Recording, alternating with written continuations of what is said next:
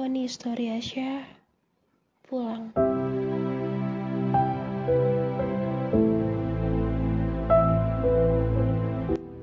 Tuhan, bolehkah aku bercakap padamu malam ini?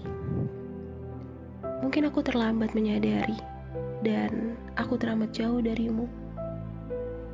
Aku ingin jujur bahwa aku merindukan diriku yang begitu mencintaimu kala itu. Aku sempat berpikir bahwa engkau tak akan menerimaku kembali. Aku sempat berpikir bahwa kalamu begitu suci untuk disentuh oleh aku yang hina ini.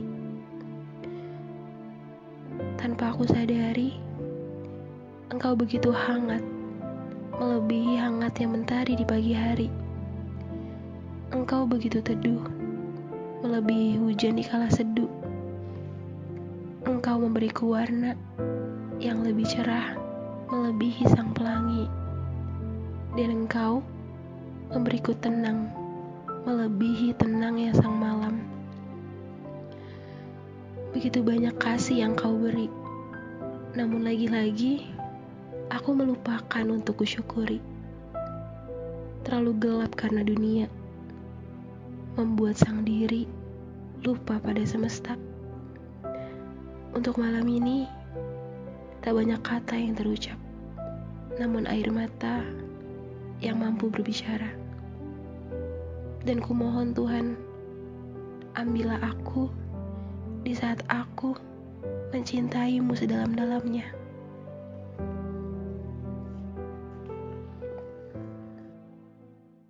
Halo semuanya, balik lagi di podcast Foni Story Asia yang kayaknya udah berapa bulan deh nggak upload.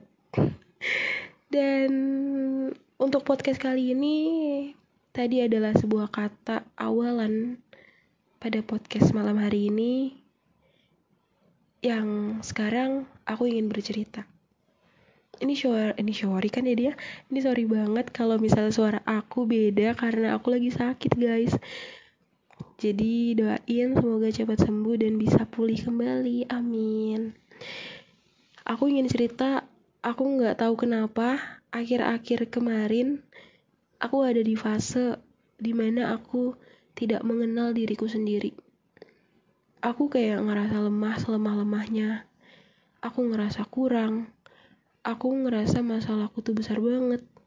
Aku ngerasa nggak bersyukur ada di dunia ini aku ngerasa kayak aku sendiri dalam menghadapi masalah-masalahku ini. Yang padahal banyak banget orang yang sayang sama aku, banyak banget orang yang support aku, orang yang bantuin aku.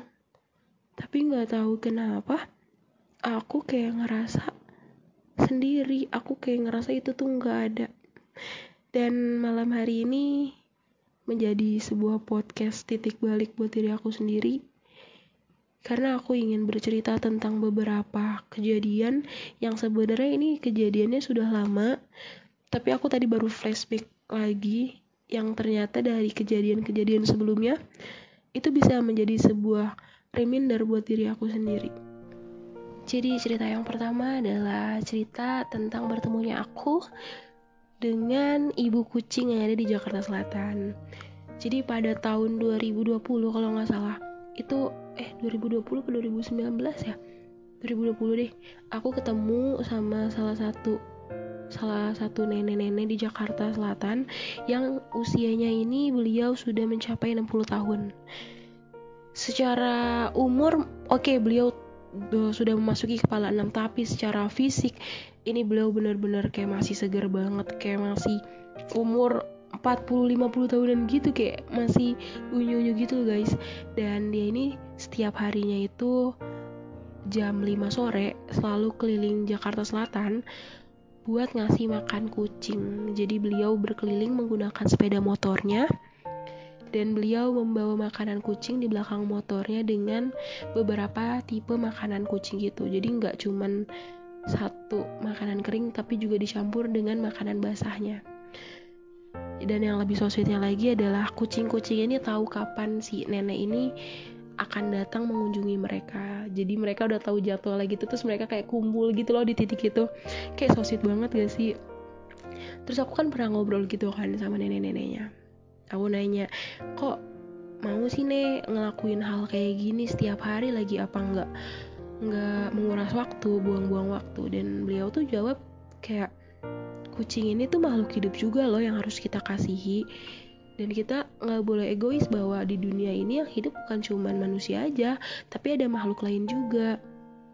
Bahagia kita adalah bahagia makhluk lain juga. Terus aku kayak tertegun gitu loh. Kayak aku ngerasa eh ternyata bahagia itu kita sendiri ya yang nyiptain. Ternyata bahagia itu uh, bisa dari hal-hal kecil ya. Dan itu cerita pertama yang aku pengen ceritain di podcast ini. Dan untuk cerita keduanya guys itu aku pernah ketemu sama badut di lampu merah. Mungkin teman-teman biasa ngeliat kalau misalnya di lampu merah kan suka ada badut yang kayak Upin Ipin, badutnya Marsha. Nah itu tuh biasanya yang dibalik topeng badut itu kadang ada yang anak kecil, kadang ada juga yang kayak kakek-kakek gitu. Nah pas aku pas waktu hari itu kebetulan yang ada di balik kostum Upin Ipin itu kakek-kakek dan biasa dia lagi melakukan pekerjaannya di lampu merah untuk menghibur para pengunjung yang ada di lampu merah kan kebetulan aku lagi naik mobil dan di sebelah mobilku itu ada satu keluarga yang mereka tuh menggunakan sepeda motor. Jadi di motor itu ada empat orang. Di depan anaknya, di belakang anaknya si bapaknya, terus di tengah-tengah anaknya lagi, dan yang paling belakang itu ibunya. Dan ya mereka tuh kayak simbiosis mutualisme gitu. Si badutnya ngehibur, terus si keluarga itu ketawa kayak kan anaknya ketawa nih kayak ih ma badut badut terus kayak seneng gitu ketemu badut. Terus orang tuanya tuh kayak seneng karena ngeliat anaknya seneng kayak excited gitu. Akhirnya ngasih uang ke badut ke badut tersebut terus badutnya kayak lepas lepas kostum tapi yang kepalanya aja sambil senyum gitu. Dada-dada kayak oh my god ini kayak simbiosis mutualisme dengan segudang syukur dan bahagia. Dan dari situ aku jadi mikir sekarang bahwa bahagia itu kita sendiri yang nyiptain Bahagia itu bisa dari hal-hal kecil. Bahagia itu gak harus mahal. Dan bahagia akan selalu terasa bila dibersamai dengan rasa syukur dan cukup. Oke, sekian dari Asya pada malam hari ini. Jakarta, 5 April 2022.